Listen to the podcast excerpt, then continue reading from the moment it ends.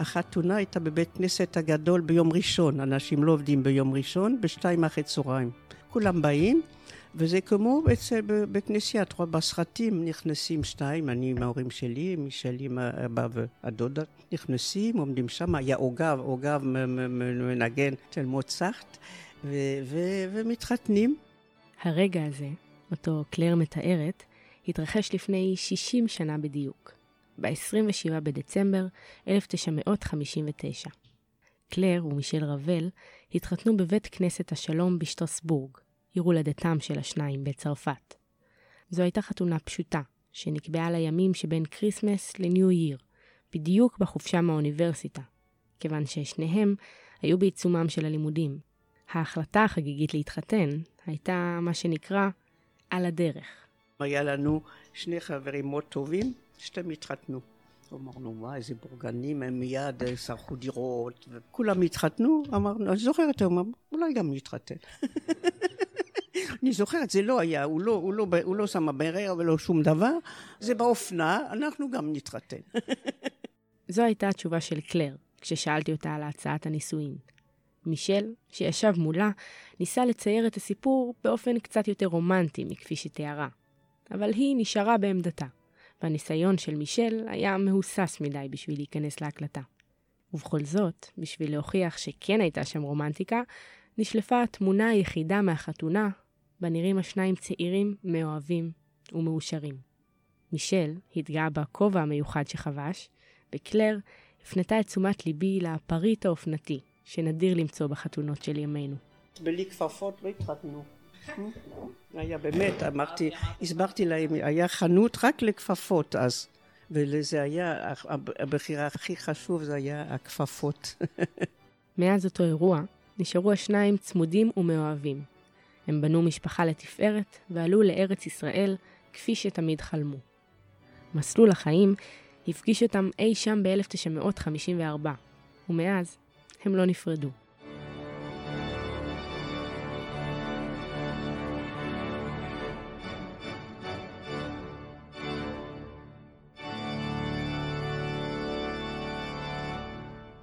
זה הסיפור של קלר ומישל רבל.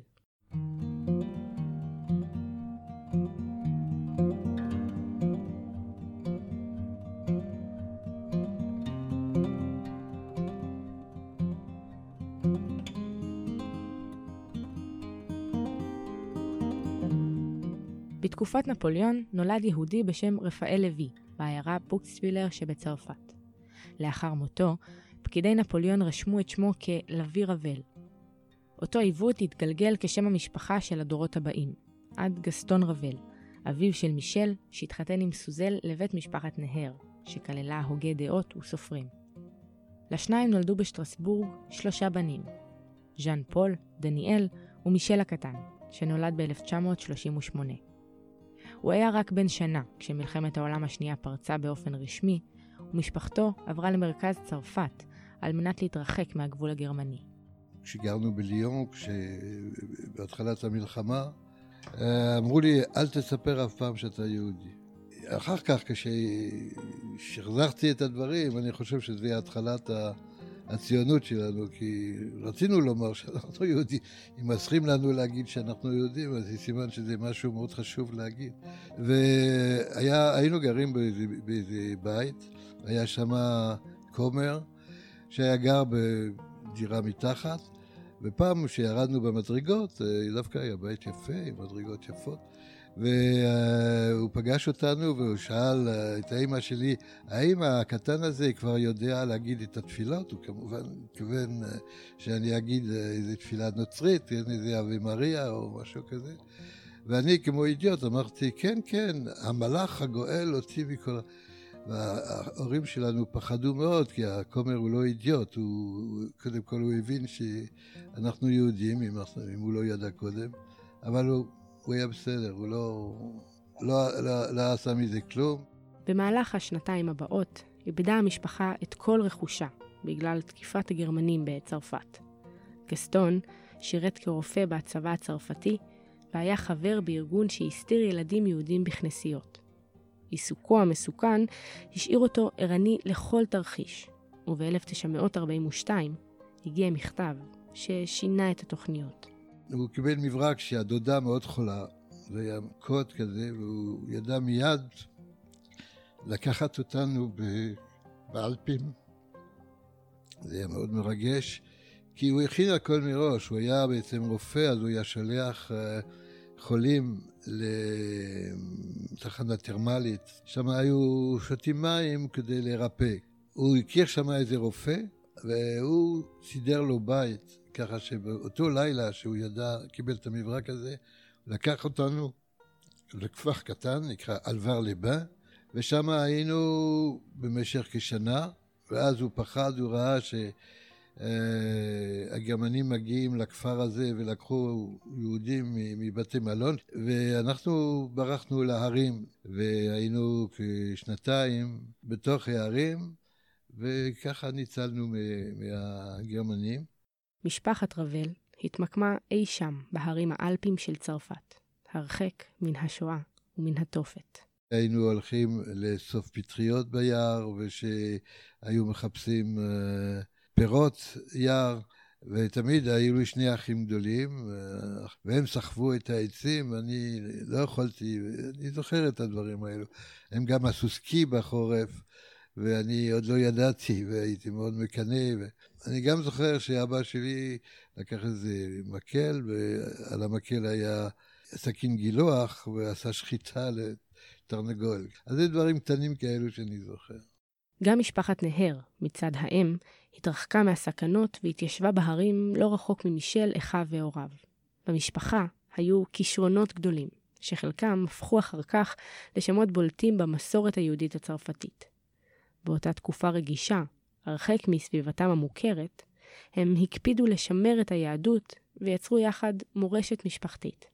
משפחת נהר התחבאו לא רחוק מפריגו, אה, כמה שעות נסיעה במכונית, בעיר שנקרא לונטוי, ודווקא באיזה, קראו לזה שאטו, אבל זה לא היה ארמון, זה היה איזה מין אה, בית גדול וישן, ואנדרי נהר, שהיה מאוד אה, פואטי, וגם האח שלו, רישר, הוא היה שופט יותר מאוחר, וכל שנה הם כתבו אגדה, כי הם הביאו איתם רק אגדה אחת, אז כל שנה הם ציירו אגדה, הסבא, אלבר נאר, עשה את הציורים, דוד, נתן סמואל, שהיה בעלה של האחות של אמי, אה, הוא כתב, הוא היה סופר, ואנדרי נאר ורישר נאר כתבו פיוטים, פיוטים שאנחנו עוד קוראים אותם כל שנה.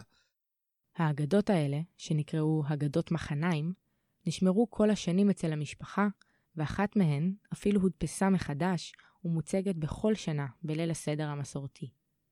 ככה התחילו חייו של מישל רבל, שנולד הישר אל תוך מלחמת עולם, ובתוכה הצליח להתבגר ללא פחד ורחוק מהאימה. ב-1944, כשהיה בן שש, חזרה המשפחה לשטרסבורג, ומישל נכנס לבית הספר. בזכות אביו, שהתעקש ללמד את ילדיו בתקופת המלחמה, מישל קפץ כיתה, כי התקדם בחומר הלימוד.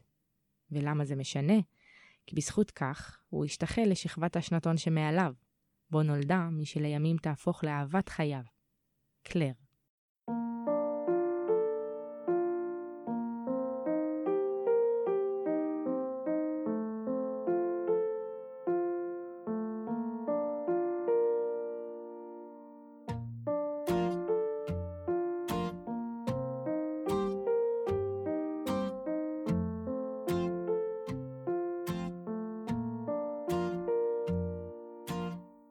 הסיפור של קלר שונה לחלוטין. היא לא הגיעה ממשפחה מיוחסת וגם לא משושלת צרפתית ארוכה. אביה, שלמה בנר, נולד בגליציה והגיע לצרפת לבדו כשהיה בן 12 בלבד. בעקבות אחיו הגדול, למד רפדות. הוא הגיע לשטרסבורג, שם פתח מרפדיה משלו, ופגש את רוזה, שנולדה בגרמניה והגיעה יחד עם הוריה לצרפת. השניים התחתנו ב-1933, שנה אחר כך נולד בנה מרסל, וב-1937 הגיע קלר. כאמור, אלו היו שנים של מלחמה גדולה. אביה של קלר גויס ליחידה של פולנים בצבא הצרפתי, שנשלחה לחזית הלחימה ללא אימון מספק. אותה יחידה נכנעה מיד עם ההיתקלות בגרמנים ונלקחה בשבי. ההיסטוריה מלמדת אותנו המון על אכזריותם וחוסר אנושיותם של הנאצים. אבל לפחות בכל הנוגע לאמנת ז'נבה לטיפול בשבויים, הגרמנים צייתו לחוקים הבינלאומיים. שלמה נשאר בחיים לכל אורך המלחמה, ואפילו שמר על קשר משפחתו באמצעות מכתבים וחבילות. המשפחה הייתה מוגנת יחסית, ושמרה על פרופיל נמוך, אבל נאלצה לחיות בעוני, עם הכותרת יהודים מעל הראש. אני לא זוכרת הרבה דברים, רק ככה כמה תמונות. אני זוכרת שחזרתי מהבית ספר, הייתי בבית ספר שמה בפריגו, ואין, אין אף אחד. אז ככה חיכיתי, חיכיתי, ואני לא זוכרת, אבל לקחו אותי אה, לסבא והסבתא שלי. מתברר שהם באו לעצור את הסבא וסבתא שלי. ואז אבל האמא הייתה אצלהם, היא אמרה לא, אל תעזבו, הם אנשים זקנים, אני, אני אבוא איתכם. והיא הלכה ולקחו אותה לברגן בלזן. אחר כך הסבא וסבתא שלי גרו באיזה מין ממש עורבה כזאתי, וילדים לא יודעים ככה ש... ש... שזה לא טוב, שאנחנו היינו מאוד עניים, והיה אנשים שכן היה להם כסף ככה וזה, אז הם אמרו לנו, איזה מסכנים ילדים, ואני, מאז אני שונאת הנשים הטובות שעושות טובות לילדים, אני, אני שונאת את הנדבדיות האלו, זה אני זוכרת, אבל אני לא זוכרת, פחד, פחד ורעב וזה, לא זוכרים. קלר הדגישה שוב ושוב שהייתה קטנה מאוד במלחמה ושהיא לא זוכרת הרבה. בדיעבד, היא יודעת לומר שעברה את ימי המלחמה ביחד עם אחיה הגדול. תחילה שהו עם אמה, אחר כך עם סבם וסבתם, ולבסוף התגלגלו השניים לבית יתומים. אחרי כל אי הוודאות, קלר זוכרת רגע אחד שהיא לא יכולה לשכוח. בסוף המלחמה הייתי באיזה בית יתומים, ופתאום לפניי עמדו שתי אנשים, שבאמת לא הכרתי אותם. אומרים, אנחנו האימא והבא... ובאמת המשפחה כולה התאחדה מחדש. אמה שרדה במחנה הריכוז ברגן בלזן, אביה החזיק מעמד בשבי, וגם סבא וסבתא שבו הביתה. משפחת בנר התחילה חיים חדשים בשטרסבורג. אז גם נולדה אחותה הקטנה של קלר, בטי, הצעירה ממנה ב-14 שנים. מכאן אפשר לומר שהחיים התגלגלו באופן טבעי ואנושי, הרבה יותר. thank you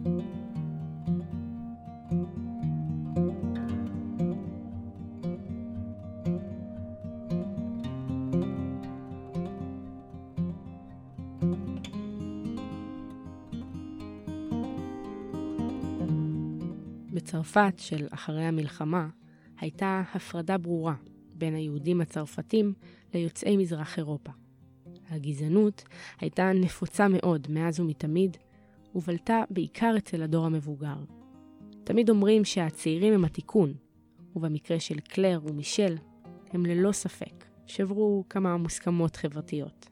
אבא שלך הלך לבית כנסת של, של הקהילה, אבא שלי היה בבית כנסת של מוצא מזרח. אבל מה שטוב, שהצעירים, אתה לא הלכת לבית כנסת של אבא שלך, ואני לא הלכתי לבית כנסת של אבא שלי. זה היה, הלכנו למרכז הנוער. המרכז המדובר קם במטרה לאחד את הקבוצות בתוך היהדות בצרפת. מישל למד בבית ספר ממלכתי, בעוד קלר למדה בבית ספר חדש ליהודים, שהיה קצת פחות נחשב, לטענת השניים. שם למדה בחברת בנות. אז היה כיתות, היו גדולות, היו 42 אה, תלמידים בבית ספר, לפני הבית ספר היהודי. היינו שלוש חברות מאוד טובות, ישבנו בסוף, בסוף, בסוף. ולא, המורה לא ידעת אפילו שאנחנו פה. אז היה לנו, כתבנו עיתון ככה, כתבנו עיתון, ורצינו להיות בחורים, מפני שזה כל כך משעמם להיות בת.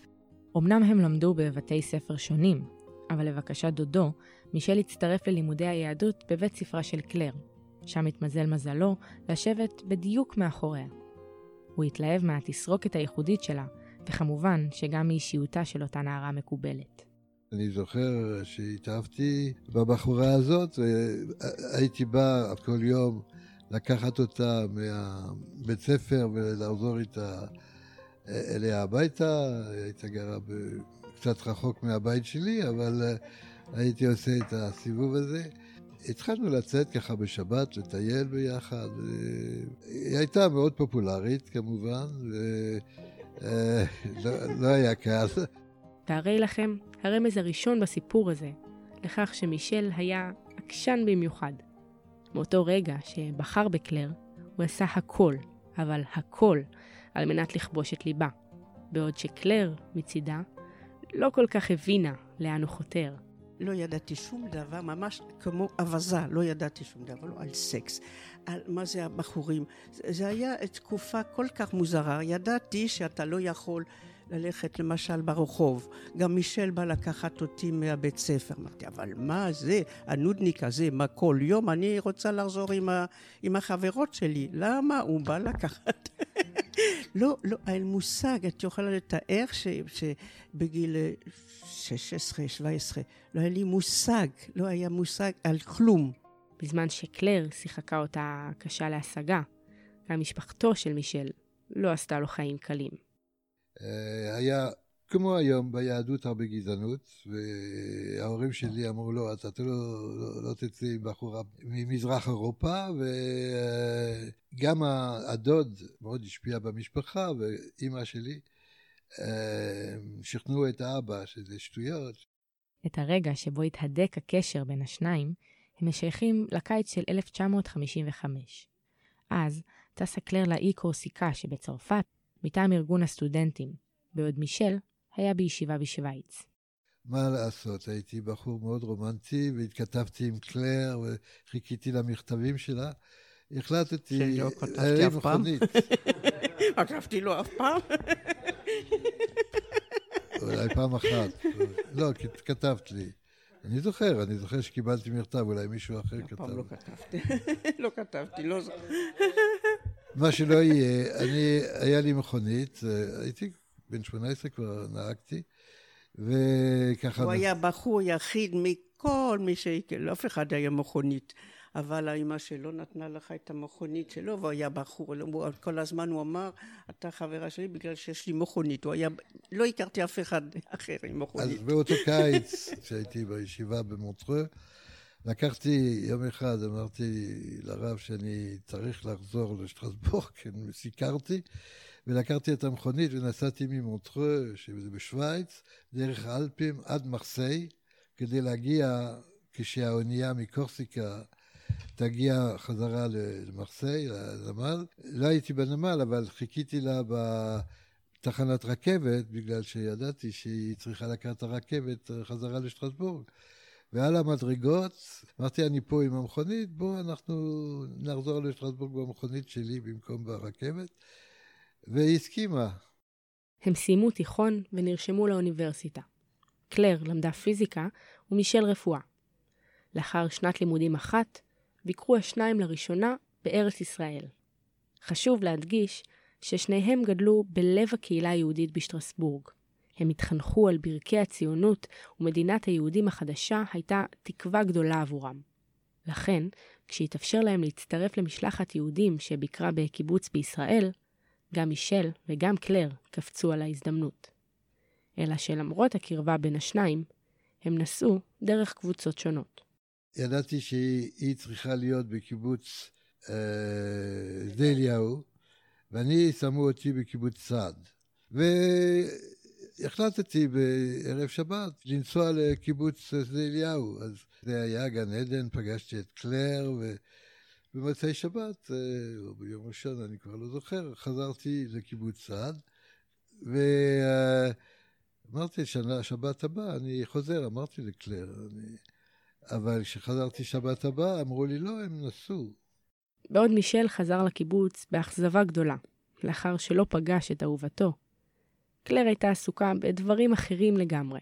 הציפיות הגבוהות שלה ושל חבריה מהקיבוצים הפסטורליים ממש לא טעמו את המציאות. אז היום הראשון, זה היה חוממים, שמו אותי לגהץ את, את יודעת, הח"כים, זה היה מאוד, ממש קשה מאוד, ואני לא יודעת לגהץ, עד היום אני לא מגהצת. אז זה היה אחרי יום, יום, יומיים, שמו אותי במטבח. וזה, ואמרנו, אנחנו גדלנו, אנחנו ציונים. גדלנו על הסרטים של הציונות. ראינו שבקיבוצים אוכלים תפוזים ורוקדים את ההורה. אמרתי, מה, איפה, איפה תפוזים? אין פה. ו- ומתי רוקדים? אמרנו, יפים, זה חם וזה. ומוצאי שבת יש החקדה. אז אמרנו, טוב, טוב זה, זה לא מי יודע מה הקיבוץ הזה, אנחנו נטייל לבד. אז עזבנו את הקיבוץ ונסענו בטרמפים. יחד עם חבריה הגיעה קלר לאילת, על גבי מכונית מסע ללא גג בחום הכבד של הקיץ הישראלי. הם הגיעו צלויים לגמרי לעיר הדרומית, ולפני שהספיקו ליהנות ממנה כמו שצריך, הגיעה פקודה, לפיה כל האזרחים באזור מוכרחים להתפנות צפונה במהירות. קלר וחבריה התיירים לא כל כך הבינו את המצב המסוכן שנקלעו אליו, אבל היום היא יודעת לומר שהייתה זו תקופת מבצע סיני, ובלית ברירה נאלצו הסטודנטים הצעירים לשלם את שארית כספם על טיסה מהירה לחיפה. ואולי זה היה משמיים, כי לגמרי במקרה פגשה את מישל באגנים הבהאיים בחיפה רגע לפני שחזר לצרפת. ובינתיים, כדי להעביר את הימים שנותרו עד ההפלגה שלה ושל חבריה חזרה הביתה, הם מצאו דרך יצירתית להעביר את הזמן שנשאר. לא היה לנו כסף יותר, אז ישנו בפארק, בחיפה יש איזה פארק באמצע העיר. אז השוטרים באו, הם אמרו אסור, אסור לישון בפארק, אז הם לקחו אותנו בבית שלהם. וזה אחר כך, היה לי דוד, היה לי דוד, אז הוא קרא בעיתונים שאספו, אספו שלושה, שלושה, שלושה נער, שהמשטרה לקחה אותם לזה, וזה, ואחר כך זהו, חזרנו לצרפת. קלר ומישל התאחדו מחדש ושמרו על קשר קרוב במהלך הלימודים באוניברסיטה. ב-1957 התגלתה מחלת לב אצל אמו של מישל, ומצבה החל להידרדר. שנה אחר כך, בקיץ, הזוג ביקר שוב בישראל, הפעם מטעם חילופי סטודנטים של האוניברסיטה. קלר למדה כימיה פיזיקלית באוניברסיטה העברית והשתכנה במעונות הסטודנטים בגבעת רם. מישל למד ביוכימיה בממילה וקיבל חדר קטן במוסררה בירושלים. אז נתקלו השניים לראשונה בגזענות מסוג חדש, שהייתה הפוכה לחלוטין מזו שפגשו בצרפת. אמרו לקלר, כן, הפרופסור שאת הולכת אליו הוא יקה. כן, זה היה אז שם גנאי כזה, כן, פרופסור יקה, אז uh, הכי לא טוב שאפשר, או הכי מצחיק. אז, אז אמרתי, נו, אז גם אני יקה, מה, מה עושים צחוק פה על היקים? אבל החברה שלי מפולין, כן.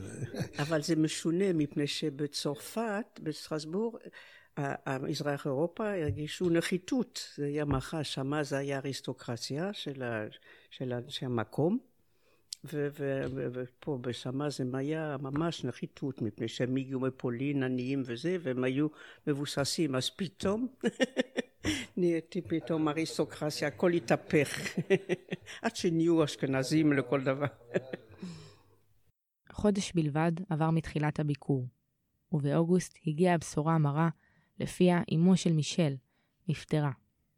התוכנית נקטעה, והשניים שבו להלוויה בצרפת. בקיץ שאחרי, שבו השניים לישראל כדי להשלים את החוויה שנגדעה, ובין הלימודים הקפידו לבלות ולהכיר ביחד את הטעמים של הארץ. בשבת אנחנו אה, הזמנו אוכל במלון המלכים, והיינו אוכלים ארוחה ככה, ואחר כך הולכים ברגל ממלון המלכים, מרחביה, לאוניברסיטה, גבעת רם. בחום היום, כן, כשרק יש אה, כלבים ואנגלים משוגעים שעוד מטיילים. ואכלנו גם כן ברחוב יפו, היה לנו מרבד הקסמים. התחלנו ללמוד לאכול ליפתן ופלאפל ולאכול חריף. זה הכל היה הקיץ הזה. וחזרנו והחלטנו להתחתן בדצמבר של אותה שנה. קלר ומישל התחתנו ותכננו לעלות לישראל רק עם סיום הלימודים. לכן התגוררו אצל אביו של מישל ונעזרו בעוזרת משק הבית. אז נולד בנם הבכור, אריאל. קלר סיימה את הדוקטורט שלה בפיזיקה, ומישל סיים ללמוד רפואה וביוכימיה, והמשיך לפוסט-דוקטורט בהרווארד שבארצות הברית. שם עבד בבית ישראל הוספיטל כרופא. קלר הייתה אז בהיריון שני, ומישל השתמש בקשריו כדי לדאוג לטיפול רפואי ראוי. אלא שאז נתקלו השניים לראשונה בקשיים שבמעבר לארץ חדשה ולא מוכרת. מראה איך ההבדל בין הברית וצרפת. בצרפת רופא לא משלם כשהוא בא לרופא אחר. וכשהגענו לארצות הברית, אז קלר היה, הייתה צריכה גינקולוג, שגם ילד, ילד. ואז הבוס שלי אה, המליץ על מישהו, אבל ההוא לא ידע שבצרפת לא משלמים. אז הוא היה קצת מופתע. ואני הייתי מופתע בליל, כשהצירים התחילו, הגענו לבית חולים, איפה שעבדתי, לקחו את קלר, ואמרו לי, אתה צריך ללכת לקופה. לא, לא, איפה הביטוח? אמרתי, ביטוח. ביטוח. מה זה, מה זה הדבר הזה? מה זה השם? מה זה ביטוח? אז אה, הם אמרו, לא, אנחנו לא יכולים להעלות את קלר לחדר לידה עד שאתה משלם. אז אמרתי, אבל אני עובד פה, בבית חולים הזה, אז הם הסכימו אה, לשאול את הבוס שלי, את ה... והוא סידר שאנחנו נשלם אחר כך. וכל השנה שילמנו בתשלומים את ה... אבל אם לא היה הפרוטקציה הזאת, אז קלר הייתה נשארת בכיסא גלגלים. טוב, זה ארצות הברית. לצד כל הבלגן הבירוקרטי, נולד בנם השני של קלר ומישל, שמואל, המכונה סמי. מאוחר יותר, מישל נענה בחיוב להצעה להגיע לישראל לשנת התנסות כחוקר במכון ויצמן. במהלכה קיבלה המשפחה הצעירה טעימה נוספת מהחום הארץ-ישראלי. בסוף אותה שנה הם שבו לצרפת, כי מישל היה מחויב להתגייס לצבא הצרפתי, שמא יאבד את אזרחותו. בצבא התגלגל מישל למעבדה הצבאית, שם המשיך במחקריו. בינתיים, בבית, ב-1966 נולד עמוס, הבן השלישי, ובסוף אותה שנה גם שושנה, בת הזקונים.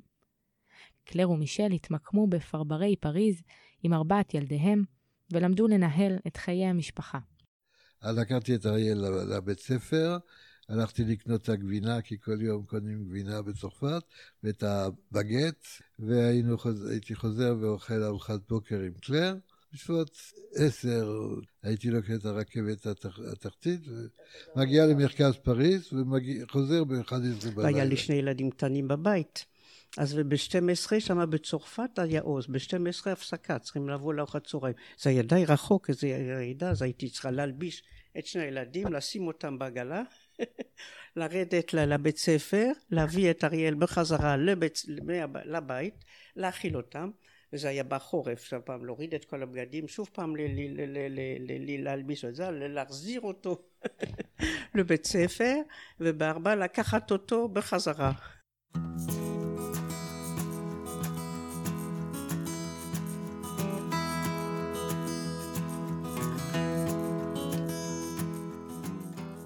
ואז הגיעה שנת 1967.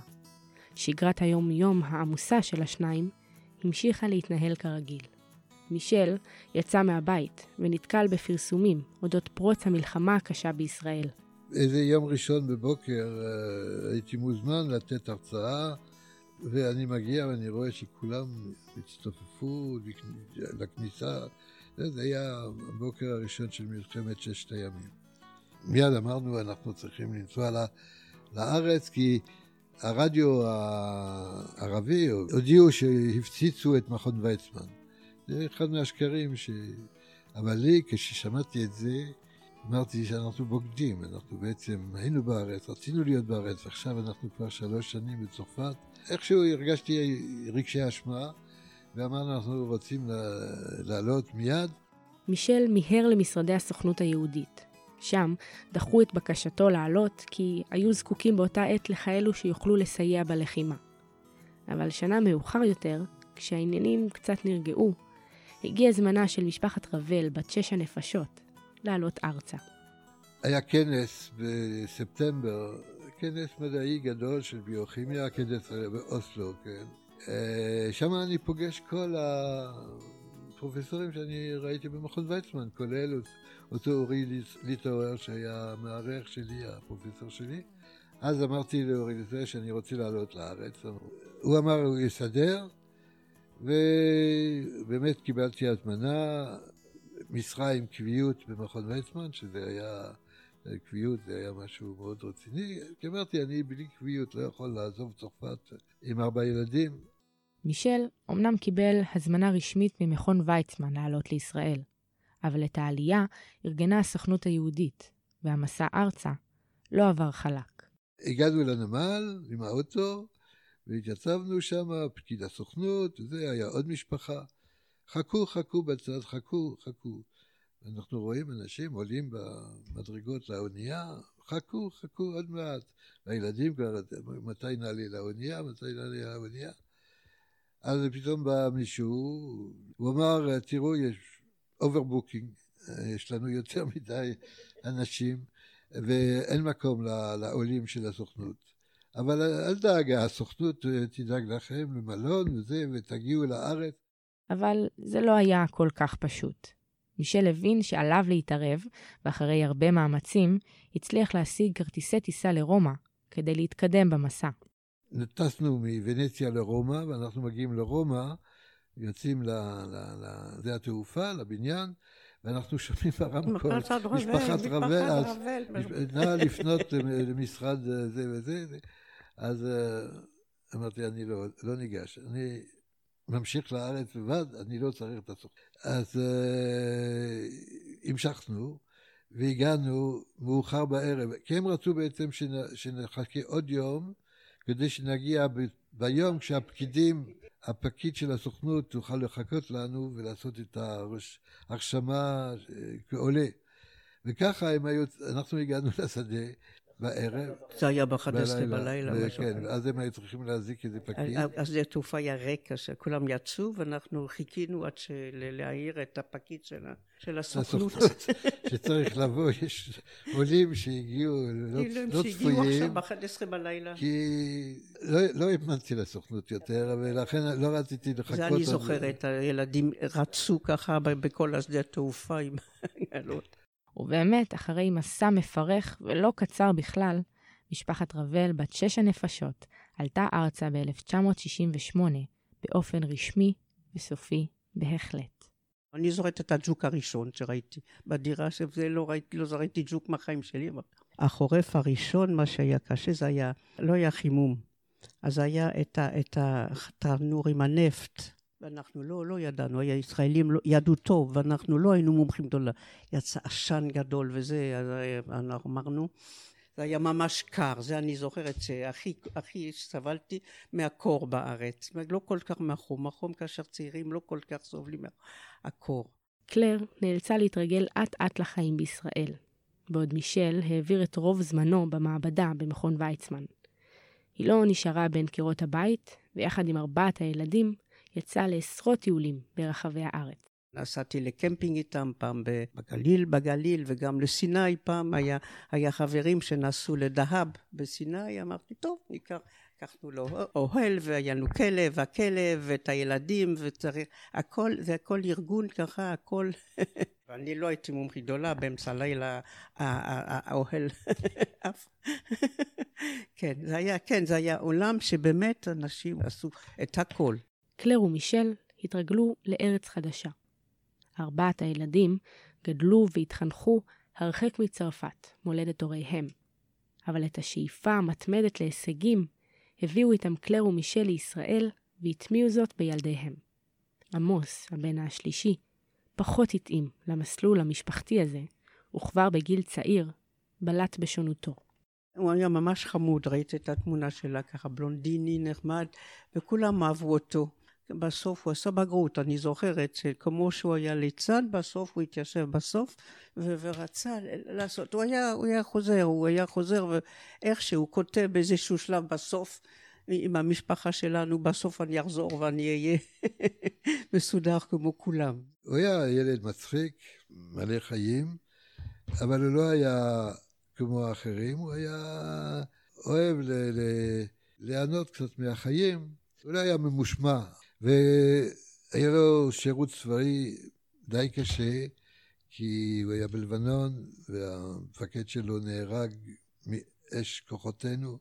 ואז אה, היה לנו שבתון בארצות הברית, בניו יורק, וחשבנו שהוא מאוד נהנה ושאנחנו נחזור ארצה. אבל הוא חשב אחרת, והוא אמר שהוא רוצה, לפני שהוא חוזר ארצה, לעשות טיול בדרום אמריקה.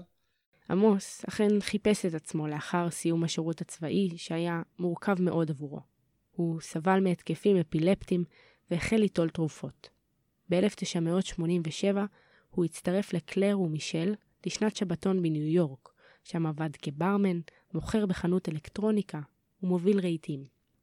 בתום השנה הזו, הוריו ציפו שיחזור איתם לישראל, אבל הוא היה נחוש בדעתו להמשיך לטיול עם חבריו בארצות דרום אמריקה. עד היום האחרון ניסיתי לשכנע, אולי כן, תעזוב, אולי כן. היה איזה מין פחד. ידעתי, אני זוכרת שבכיתי כל הלילה כאשר הוא יצא. היה לי איזו הרגשה שזה לא טוב. עכשיו, זה דברים שאחר כך משחזרים, אבל אני זוכר כשהוא ירד במטרו, על יד הבית שגרנו בו בניו יורק, אז uh, מיד אחרי זה קלר אומרת לי, יש לי הרגשה לא טובה, וזה... אז אמרתי, אבל למה לא אמרת קודם? אני הייתי אוסר לו, אמין, זה, לא זה לא דבר אסור שאבא אומר, אסור לך. ורציתי לרוץ אחריו, אבל לא, לא עשיתי את זה. וגם את לא אמרת ש... לא הייתי, כן, לא, לא הייתה, לא, לא היה סיבה. אבל אני זוכרת שבאמת לא הייתי כל הלילה, וידעתי שזה לא טוב. ועמוס אכן נסע, למורת רוחם של הוריו. יחד עם חבריו, כבש את מפת דרום אמריקה ולא דילג על אף יעד מבוקש. עד שהגיע, היום הארור ההוא, ב-14 באפריל 1988.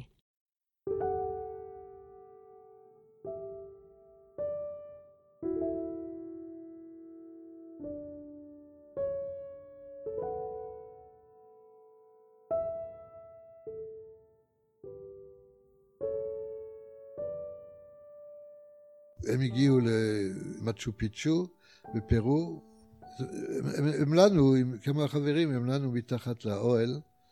הם, הם לקחו איזה תה, זו מילה יפה לסמים, למרות שאמרנו לו לא להיזהר מאוד שהתרופות שהוא, שהוא לוקח, והחברים אומרים שהם לא מצאו אותו בבוקר. אנחנו מניחים שהוא קם בלילה, הנהר הזה שנקרא...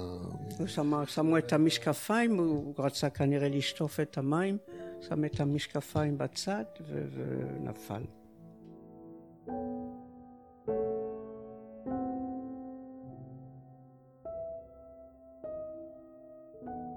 את גופתו של עמוס מצאו באותו בוקר שני קילומטרים במורד הנהר.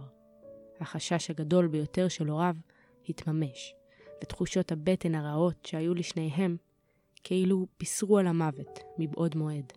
כל שבוע הוא צלצל, כאן זה היה אחרי פסח, אז אני זוכרת, עשיתי את כל הניקיון של פסח, אז אמרתי לו, אני עכשיו עושה את הניקיון של פסח. ואני זוכר דבר אחרון שאמרתי לו, תשמור על עצמך. ואני זוכרת. אמרתי, עכשיו אני לא משתמשת אף פעם, אני נותן את הביטוי הזה. אחרי שנהרג, מצאו הוריו מחברות עמוסות שירים, מכתבים וציורים שעמוס יצר במהלך השנים. הם הגדו את כולם לספר הנושא את השם ולא אחדל, מתוך אחד השירים בו הוא כתב שלא יפסיק להיות שמח. את השיר "ולפעמים ידע אנוש" הלחין יותם, אחיינו של עמוס, וביצע אותו יחד עם אחותו אביטל, באזכרה שהתקיימה במלאת 25 שנה למותו של עמוס, לפני שש וחצי שנים. וידע אנוש, כי לא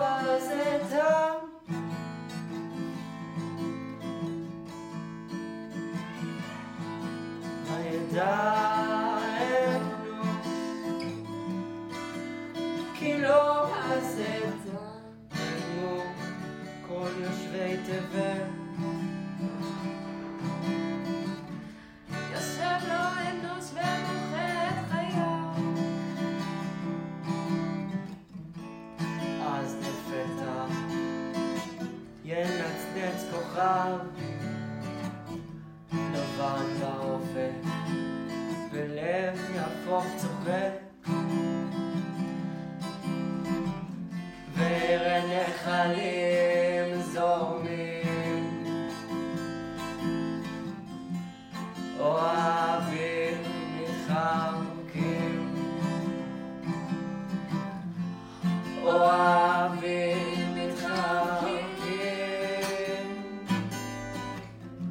ואז תזרח השם הירח יחייך ואז תזרח השמש.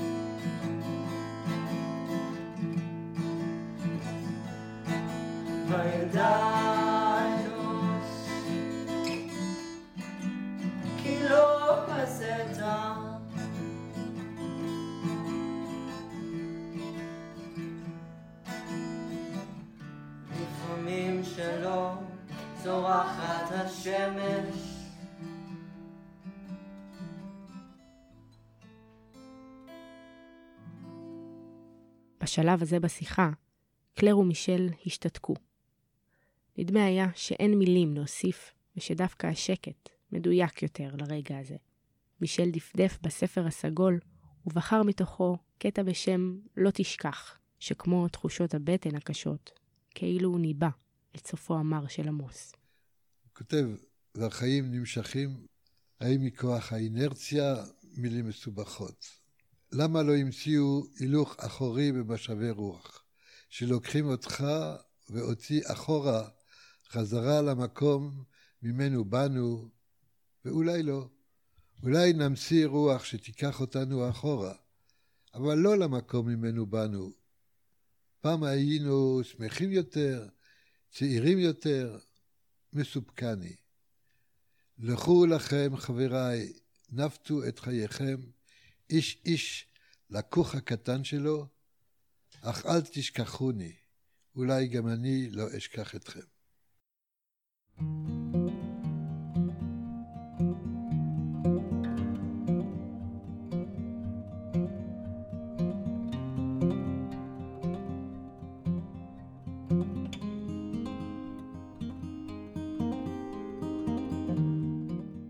כפי שעמוס כתב, החיים נמשכים, ולמרות הכאב העצום שלא פחת עם השנים, מישל, קלר ושלושת ילדיהם המשיכו למלא את המשפחה באור ואת העולם בטוב. מישל עמל על מחקר חייו. במשך עשר שנים חקר את ההתנהגות של החומר המכונה אינטרפרון, ואחר כך השתמש בו ליצירת תרופה מצילת חיים. אינטרפרון הוא חומר שהגוף שלנו מייצר כשיש הדבקה של וירוס. כאב ראש והכאב שרירים שאנחנו מרגישים זה בעצם בגלל הפעילות של אותו חומר שהגוף מייצר. חשבתי כל הזמן מה אפשר לעשות עם המולקולה הזאת, עם האינטרפרון, ואיך בעיקר לייצר מספיק כדי אולי להשתמש בו ברפואה, מפני שהגוף מייצר כמויות מאוד מאוד זהירות. עם הרבה מחקר, הצלחנו בעצם לקבל ייצור של אינטרפרון בכמות גדולה. אז uh, בחרנו uh, במחלת הטרשת נפוצה, uh, כי הייתה אז תיאוריה שהיא אולי נגרמת על ידי נגיף. וזה בעצם התיאוריה לא נכונה, אבל התרופה כן עובדת. והתרופה הזו לא סתם עובדת, היא שיפרה את מצבם של חולי טרשת נפוצה בעולם כולו. פרופסור אבל המשיך לעסוק במחקר, המציא תרופות חדשות וצלל גם לנושא הביואתיקה, שהוא ממוביליו בארץ.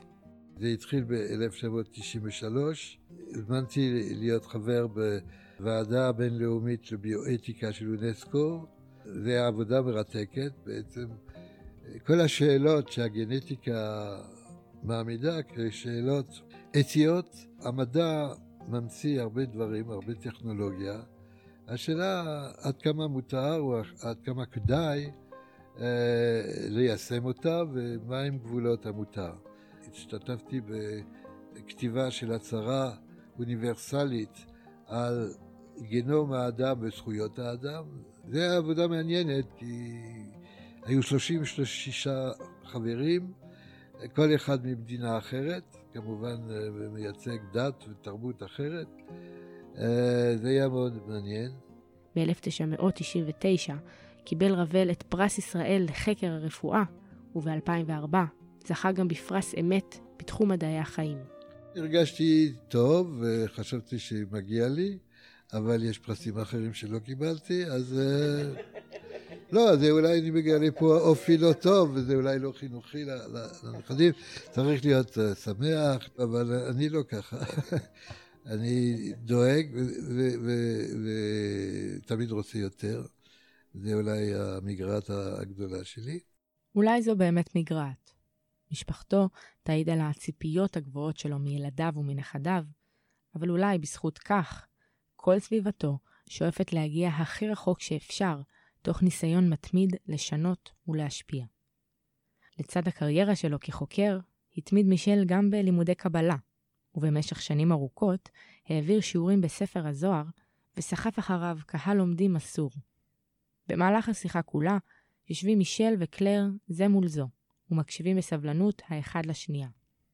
אחרי השיחה על הקריירה של מישל, אי אפשר היה שלא להתייחס גם לזו של קלר, שאומנם לא קודמה לאורך שנות גידול הילדים, אבל כשהתפנתה לדאוג לעצמה, קלר מצאה עבורה עיסוקים חדשים. באיזשהו שלב, כאשר ילדים באמת גדלו, וקצת משעמם וזה, אז החלטתי מה אני אוהבת לנסוע, לעשות, אז אני הייתי הרבה בסוכנות נסיעות, חוץ של מישל, חוץ מלעבוד במעבדה, הוא נסע גם הרבה, כל הזמן הוא נסע, היה מוזמן להרבה כנסים, אמרתי, דווקא לנסוע זה נראה לי נחמד. אז לקחתי קורס של אה, סוכני נסיעות, זה שנתיים של משרד העבודה, ואחר כך עבדתי בסוכנות נסיעות בתור סוכנת עשרים שנה, ודווקא נהניתי. זה היה אז, זה לא היה כמו עכשיו, את יודעת, זה היה נסיעות, זה היה מין חוכמה, יכולת לקנות כרטיס ולעצור בדרך, זה היה, אה, ככה יכולת לחשב קילומטרים וזה, ולא כל עם ניסוע, זה לא רק אנשים קצת שנסעו לאיזה תחונה, זה לא שנסעו עכשיו כמו שנוסעים ככה לרודוס או לזה, זה היה, זה היה מעניין, אוכלוסייה מעניינת. סיפור החיים של קלר ומישל כולל הרפתקאות ושינויים רבים. בתוך כל זה, כמעט אפשר לשכוח שגם לשמה של קלר מצורף תואר דוקטור, בו היא מזמן כבר לא משתמשת. כששאלתי אותה איך היא מרגישה לגבי הוויתור על הפיזיקה, היא עונה בלי שום דרמה. אם הייתי ממש טובה, הייתי כנראה לא ויתרתי. כנראה לא הייתי עשוי לזה אולי. כאשר אתה עוזב אחרי כמה זמן זה כל כך מתקדם שאתה מרגיש שאתה לא... באמת, המדע מתקדמת הרבה יותר שאתה לא שמה. את הילדים הם חינכו לא לעזוב, ולא נתנו לאף אחד מהם להטיל ספק אם הוא עשוי לזה או לא. השאיפה לשנות ולשפר איפה שרק ניתן עברה מההורים ההישגיים גם לילדים המוצלחים. אריאל, הבכור, הפך לרופא גינקולוג בכיר, סמי מכהן כשגריר ישראל בקפריסין, ושושנה היא אונקולוגית ילדים בולטת בתחומה. גם 12 הנכדים וחמשת הנינים מצליחים כל אחד בדרכו, ונושאים את עיניהם לסבא וסבתא מעוררי ההשראה. אוהד, בנה הבכור של שושנה, הלומד לדוקטורט בפיזיקה, מתאר את הציפיות שגדל בצילן. אתה גדל ואתה מבין שמצפים לך להיות משהו. אתה, יש לך דוגמה מול העיניים למה זה אומר להיות משהו. אבל זה, זה drive. אני מקווה ש, שימשיכו, שיהיו כאן, וימשיכו לדרוש מאיתנו, וימשיכו לצפות. ואני מאחל להם שגם, אה, שנגשים את הציפיות מאיתנו. אה, כל אחד בדרכו שלו. גם אביטל, אחותו של אוהד, הצטרפה להקלטה וסיפרה על הילדות אצל סבא וסבתא. היינו באים לפה כל קיץ, היינו באים אה, כל הבני דודים, לא רק אנחנו, והיינו פשוט נמצאים פה כל הקיץ. כל בוקר היינו הולכים לבריכה, היינו בבריכה כל היום, היינו אוכלים מלאווח וצ'יפס, ואז היינו הולכים לסן מרטין, היינו אוכלים ארוחת צהריים, אז היינו הולכים לשחק בשוונג, שזה היה כזה, היינו מקבלים כאלה צ'יפים כאלה, ואז היינו יכולים uh, לשחק איתם. וסבתא שלי היה לה קלטות של uh, קופיקו, אה, ושל סינדרלה, ושל uh, כל מיני, והיינו... סינדרלה, כל כן. הדיסני, כל הדיסני. כל הדיסני בקלטות, והיינו יושבים ורואים המון. עם סבתא היה תמיד משהו כיף. כלומר, עם הורים אתה... צריך אה, להיות מחונך עם הורים. לא, גם סבתא, היא הייתה תמיד מרשה לנו לעשות דברים שההורים לא היו מרשים לנו. וסבתא זורמת. היא הייתה שובבה. כאלה סבא וסבתא הם קלר ומישל. מפנקים, מחייכים, וגם מצפים ודוחפים להצלחה. אוהד יודע שנולד לשושלת של הצלחות גדולות, אבל בוחר להדגיש את המתנה הגדולה שעברה אליו בירושה. סבא וסבתא שלך עשו משהו משמעותי בחיים. כלומר שהם הצילו אנשים. אנחנו יודעים שסבא שלנו הציל חיים. אז uh, יש להם בית יפה ויש להם הרבה כסף והם יכולים לקחת את כולנו לחופשות, אבל אנחנו כולנו יודעים שזה הדבר השולי. והדבר המשמעותי הוא לא לעשות כסף ולא ליהנות מהכסף הזה, אלא הדבר המשמעותי הוא ל... לעבוד קשה ולתרום לחברה ולהיות אנשים משמעותיים איפה שאנחנו לא נמצאים.